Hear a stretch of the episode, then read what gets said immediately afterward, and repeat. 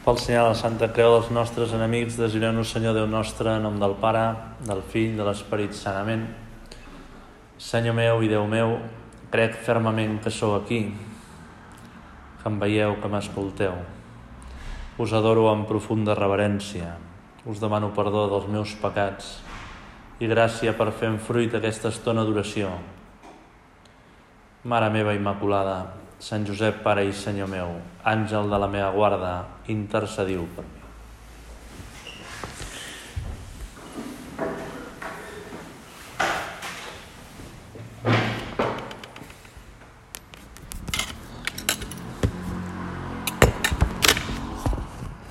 Volia començar la meditació per una història que em va impactar. L'explica un mossèn de Vallecas, als suburbis de Madrid, Madrid Sud. I explica un cas que li va passar. És una història una mica llarga. Para comprender esto, diu, me ha ayudado la historia de José Manuel López, un vallecano de pura cepa.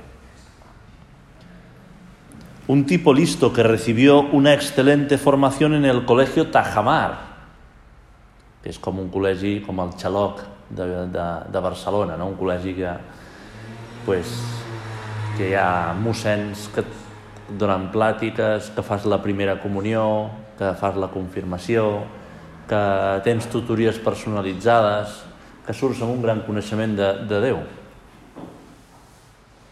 Sacó su carrera de económicas con notas brillantes. Llegó a ser directivo del corte inglés en los años 80. Comenzó a ganar mucho dinero y ahí surgieron sus problemas. Tantes vegades pensem nosaltres en guanyar diners, no? No se perdía ninguna fiesta, buscaba todo exceso en ellas. El alcohol le envolvió y después, después las drogas. Cada vez más metido en ese mundo fue perdiendo sus amigos y por fin perdió también el trabajo. Su padre, un hombre serio, le corregía severamente, vivían juntos, pero nada, seguía con sus desvaríos. Un mal día su padre se cayó por las escaleras del portal y del golpe se murió. José Manuel estaba borracho por los bares.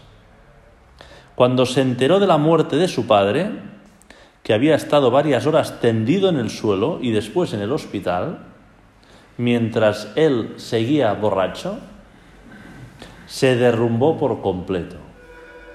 Se echó la culpa de la muerte de su padre. Nunca se lo perdonó. Això també és bastant freqüent, que degut a les pròpies debilitats, després encara t'enfonses més. A partir de ese momento la vida de José Manuel fue un calvario, pasando de un proyecto de reinserción a otro sin conseguir nada, siempre recaía. Liquidó su patrimonio en alcohol y drogas. Se cayó de un sexto piso a un quinto. No se sabe cómo ocurrió, solo que llevaba dos botellas de whisky y tres gramos de coca. Pero no se moría. Vivía en el piso de su padre lamiéndose las heridas, sin luz y sin gas. Comía lo que pillaba en la calle o no comía. Así, muchos años. El remordimiento no lo abandonaba. Todos sus amigos sí le abandonaron. Un día pasaba por delante de la iglesia de San Ramón, que on és aquest mossèn. Entró y escuchó a Monteverdi que embriagaba el silencio sagrado del templo. Devien tenir una música de fons de Monteverdi, el, que la gent se sentés allà i resés en pau. Se quedó cautivado. Le retrotrajo a su juventud más cultivada. Recordava aquells moments de pau que havia resat, algun moment en què havia parlat amb Jesús, que havia intentat fer veritable oració. Estaba fascinado recordando los mejores momentos de su vida pasada. Sin darse cuenta, se había sentado en un asiento del fondo. La oración fluyó suave como una mano que acaricia las cuerdas del alma. Se giró y vio un cura en el confesionario. se confesó. Hacía muchísimos años que no lo hacía. Durante largo rato. Parecía no terminar nunca. Era una persona que tenia bona formació. Li passava al cap, al cor, tants detalls, tanta llunyania, tant deixar-se portar per falsos deus, ¿no? Al concluir, el anciano sacerdote, experto en humanidad, me lo presentó en el musén que está escrito en el libro. Yo estaba en el despacho revisando fichas de catequesis y le iba a decir al musén gran que dale algo que hacer a este, me dijo señalando a aquel hombre que ahora parecía un niño, para que no se pierda más. Me narró brevemente que deseaba salir del vicio, el alcohol y las drogas mostraba el celo sacerdotal del buen cura que cuida la oveja hasta el final.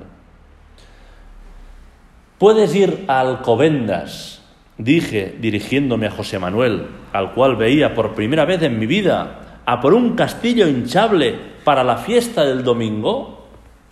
Saqué la llave de mi coche y 200 euros de mi bolsillo y los puse en sus manos. El tío es va quedar amb els 200 euros i les claus del cotxe a la mà va mirar al mossèn absolutamente alucinado. Diu, padre, respondió él enseguida con total seriedad, ¿qué parte no entiende de que soy drogadicto y alcohólico? ¿Qué parte no entiende de que soy drogadicto y alcohólico? ¿Cómo se le ocurre darme dinero y su coche? El coche que tenía, a mí me fa gràcia, és com el meu, que és un Opel Corsa. Intentó disuadirme sinceramente, alegando que todavía no estaba sanado. Al verle tan sincero y recién confesado, le dije que me daba igual, que lo hiciese rápido. Para mí no fue más que un pequeño gesto, que tampoco pensé mucho, pero para él, sin embargo, fue el gran cambio de su vida. Entró drogadicto y salió hijo de Dios. Hizo el encargo perfectamente pero su asombro fue que alguien confiara en él. Después de tanto tiempo en la oscuridad, no se podía creer que depositaran tanta confianza en él. Un coche y 200 euros. Aquel día dijo que esta, la parroquia, era su casa. Comenzó a venir a diario a ayudar en lo que fuese. Fregaba los platos en el comedor. Tenía un manchado para pobres. Daba clases de matemáticas a los niños. Preparaba excursiones. Se le veía feliz ayudando a los demás. Su casa seguía siendo un rincón andrajoso, pero su verdadero hogar era la parroquia. Tuvo alguna recaída en el alcohol, no es que sigamos aquí uns milagreros, ¿no? Tuvo alguna recaída en el alcohol, pero rápidamente superó por medio de la confesión. Él reconocía que era alcohólico hasta la muerte. Cuando comenzamos el camino neocatecumenal, se apuntó de los primeros y fue el primer responsable que tuvo la comunidad. Contaba su testimonio de resurrección. También lo contaba que comenzó a ir a retiros espirituales, parroquias y colegios a contar su historia. Por de buscar por Google, a si. Muchos jóvenes se sentían identificados con un hombre que lo tuvo todo y cayó en lo peor. Sentirse útil para los demás le otorgó una confianza en sí mismo y una esperanza en el futuro que fueron su mayor fortaleza. Comenzó a trabajar en diversas cosillas, jardinero, chofer, cuidador de mayores. Recientemente decidió acoger en su casa a una pareja que se quedaba en la calle. Quería convertir el piso de su padre en un lugar de acogida. Lamentablemente, mientras trabajaba cuidando a un señor enfermo, le dio un ictus y en dos días falleció. Siempre decía que en su entierro estaría solo. Sin embargo, en la sala del tanatorio no cabíamos por la cantidad de amigos. El funeral en la parroquia fue emocionante. Muchos contaban sus experiencias con José Manuel, su afecto, su ilusión, su disponibilidad, su fe. Una persona que té molt bona formació, ben preparada, ha tractat a Déu, t'ha tractat a tu, Senyor, ha fet la comunió, ha fet la confirmació, ha escoltat plàtiques del mossèn constants. però a poc a poc posa el, el seu interès en les coses que no són de Déu. O potser mai ha posat el seu interès en Déu, simplement estava complint sense ser veritablement lliure, per dir, Déu meu, vull et donar tota la meva vida. Potser mai s'havia posat així davant de Déu. I potser només complia. O potser sí, però tenia altres coses que volia satisfer, que volia que li omplissin més, i per això quan va tenir diners i es va poder deixar, se li van obrir les portes i va acabar amb la amb l'alcoholisme o la drogadicció.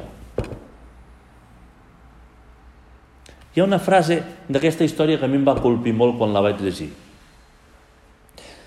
I és el moment en què entra a la parròquia i es confessa i el mossèn li dona el seu cotxe i els 200 euros. I l'home li diu quina part de drogoaddicte i alcohòlic no ha entès. Potser això us sonarà una mica fort, eh? però fins que no arribem a pujar-nos així davant de Déu, de la mateixa manera d'aquest home, no vull dir drogadictes o, o, o alcohòlics, eh?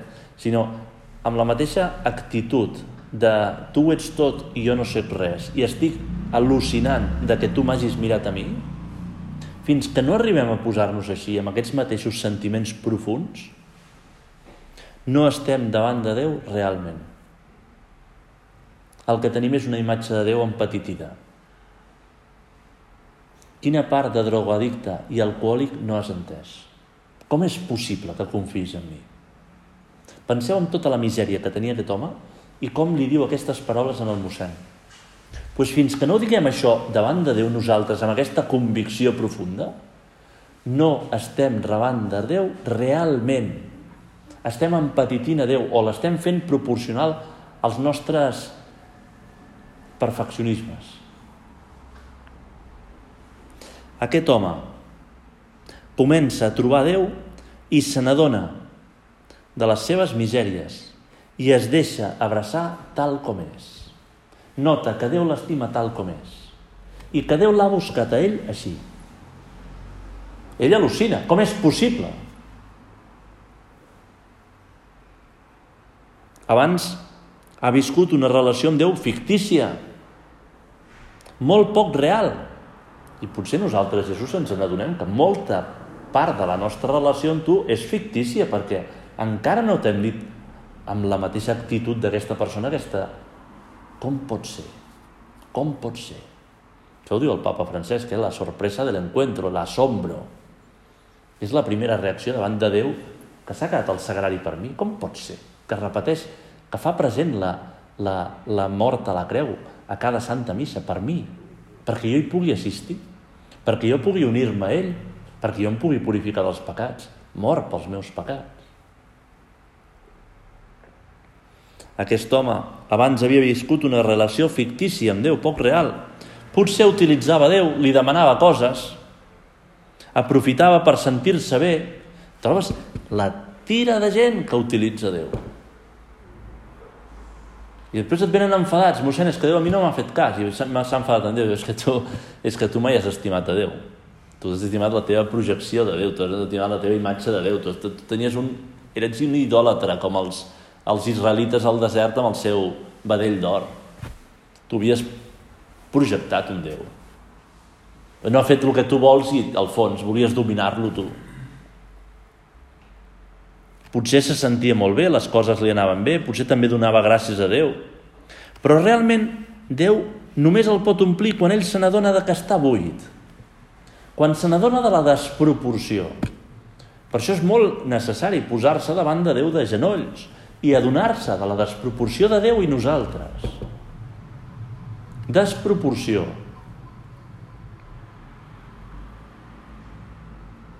No tinc res a oferir-te sóc un nyap.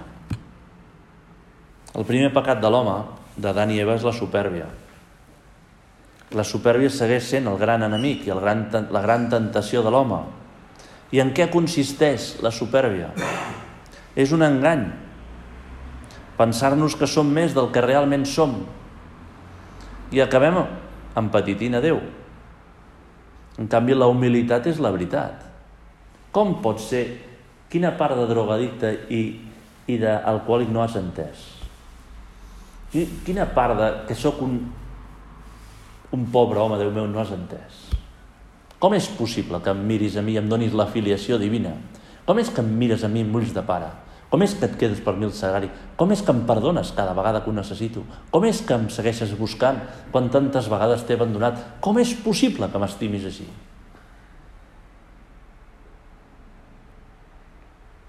En canvi, quantes vegades ens creiem que mereixem més? Quantes vegades dialoguem interiorment de si ens donen el que tenim dret, la comparació, si els altres tenen més en compte que mi? Quin gran perill, eh? com quan posem la roba a la rentadora i, i, i, i li donem massa temperatura o massa temps, que surt encongida. També nosaltres, de tant donar voltes, ens tornem autorreferencials. Se'ns encongeix la humilitat, per dir-ho d'una manera. No? Ens pensem que som més. Ens pensem que ens mereixem més. Utilitzem a Déu. Llavors, a part de viure en l'engany perquè ens enganyem a nosaltres mateixos, a part d'això, ens posem a Déu de manera, davant de Déu de manera falsa. Ens posem davant Déu com qui reclama, com qui Déu hauria d'estar agraït amb tot el que jo ja faig. Exigint que les coses surtin com nosaltres volem. O, com fa Caín, no? donant a Déu les restes i que ja estigui content les engrunes. No? Per això hem de mirar a Jesús. Com em pots estimar tant? Com pots quedar-te al sagrari per una persona com jo, amb tots aquests defectes i limitacions, amb totes les vegades que t'he abandonat? Jo, amb tants anys de mossèn, tantes vegades que t'he abandonat, tantes vegades que t'he dit que no, tantes vegades que he posat excuses, vosaltres cada un. Com em pots estimar si jo sóc tan poca cosa? I ens posem en la pell del publicà que puja al temple. I explica l'Evangeli, però el publicà de lluny estant no gosava ni aixecar els ulls al cel, sinó que es donava cops al pit tot dient, Déu meu, sigues-me propici, que sóc un pecador. Ara hi ha molta gent que es fica al final del temple, allà darrere, perquè se senten així. Sigues-me propici que sóc un pecador. Realment, tot és gràcia. És tan desproporcionat l'amor de Déu i la nostra resposta que és que tot és gràcia. I fins que no em posin aquesta longitud d'ona en aquest ambient, en aquesta actitud, o manera de ser, com es vulgui dir, fins que no estigui així, la meva relació amb Déu no serà autèntica. Serà fictícia. Perquè serà un Déu manipulable. I podem pensar, nosaltres una mica d'aquesta estona d'oració, quantes vegades ens posem així davant de Déu, quantes vegades sí amb sinceritat i humilitat d'acord li hem dit des del més profund, Déu meu, perdona'm que no sóc res. Quantes vegades abans d'anar-me a confessar ho he dit, Déu meu, perdona'm, però amb el cor trencat. Quantes vegades a la genuflexió que he fet davant del sagrari t'he dit, Senyor, és que me n'adono de la teva grandesa i de la meva poquetat, que això és la genuflexió. Doblegar la nostra força, el símbol de la, dels genolls, de la nostra habilitat, perquè tu ets gran, jo sóc petit i m'empetiteixo. Tantes vegades Sant Joan Pau II estava resant estirat a terra, amb el front clavat a terra, amb acte d'humilitat, una manera de pregar. A vegades l'havien anat a buscar i no el trobaven.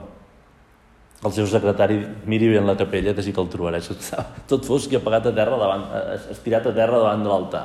No l'havia vist perquè no, no, no hi ha ningú. Sí? Mira bé. Ja resant. No amb un coixí, eh? No. Estirat a terra al marbre fred. Desproporció entre Déu i nosaltres. És la, la paraula, eh?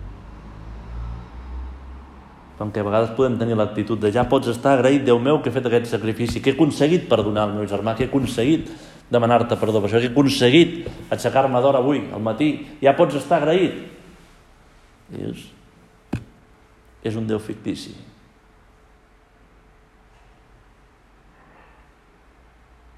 La paraula concreta és desproporció, perquè no n'hi ha una de més gran.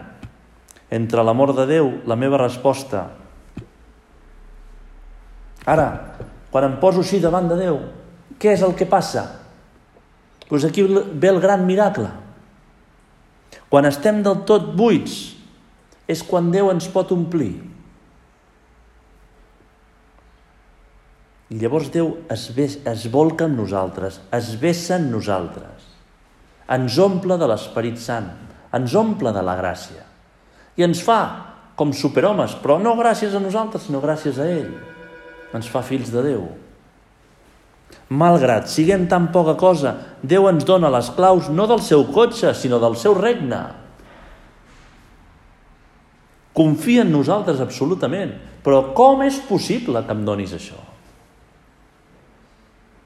Si no sóc res, sóc pitjor que aquest drogadicte, que aquest alcohòlic de l'anècdota.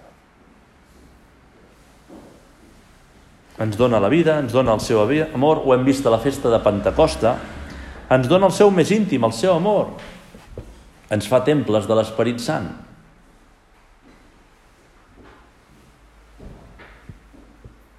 Però sense el pas previ a donar-nos de la nostra poquedat, aquesta presència de l'Esperit Sant al nostre cor no ens omple, és falsa, perquè està omplert de la falsedat de la pròpia soberbia. Primer pecat d'Adam i Eva, primer pecat meu i teu, contra el que hem de lluitar i que està molt actual al posar-nos i al creure'ns que ens mereixem més davant de Déu, que ja poden estar prou agraïts els altres del que fem. I és la incapacitat de posar-se tan rebaixats o tan empatitits davant de Déu com aquest drogadicte. Com pot ser possible que m'estimis així? Jo quan veig aquesta història sento una gran enveja. Aquest home, amb totes les seves misèries, que eren moltes, eh? Amb tot el que ha patit, ha arribat a posar-se davant Déu amb les mans buides absolutament. Ha arribat a posar-se davant Déu sentir-se sentint-se pitjor que una basura. I s'ha omplert de Déu. El seu funeral estava ple de persones perquè estimava de veritat. Ha mirat a Déu des de la poquedat. Devia costar, eh? Devia costar, com la mort del seu pare, que no es va perdonar a si mateix. Pues en tots els anys que portava, devia costar molt perdonar-se a si mateix i deixar entrar la llum de Déu. Jo per això sento una gran enveja. El va omplir del tot. Ha mirat a Déu des de la poquedat, sabent que tot és gràcia, sabent que no mereix res. I llavors Déu l'ha omplert fins a vessar. Acabem demanant-li a la Mare de Déu. Ella també quan rep l'anunci de l'àngel, diu, heus aquí l'esclava del Senyor, té aquesta actitud. És que davant la immensitat de Déu que em vol omplir, jo, el més humil dels teus servents, Déu meu, és que, és que no m'ho mereixo, és que sóc molt poca cosa, és que és desproporcionat absolutament la teva presència en la meva ànima i la meva capacitat. Jo també sóc l'esclava del Senyor. I per això, com a bons fills de la Mare de Déu, li demanem això. Que sapiguem descobrir els, els brots de soberbia, els petits indicis de soberbia que ens fan engordar, que ens fan pensar-nos que som més, que no deixen que Déu ens ompli, que no ens deixen posar-nos davant Déu amb aquesta sorpresa, asturament de la immensitat del que ens estima.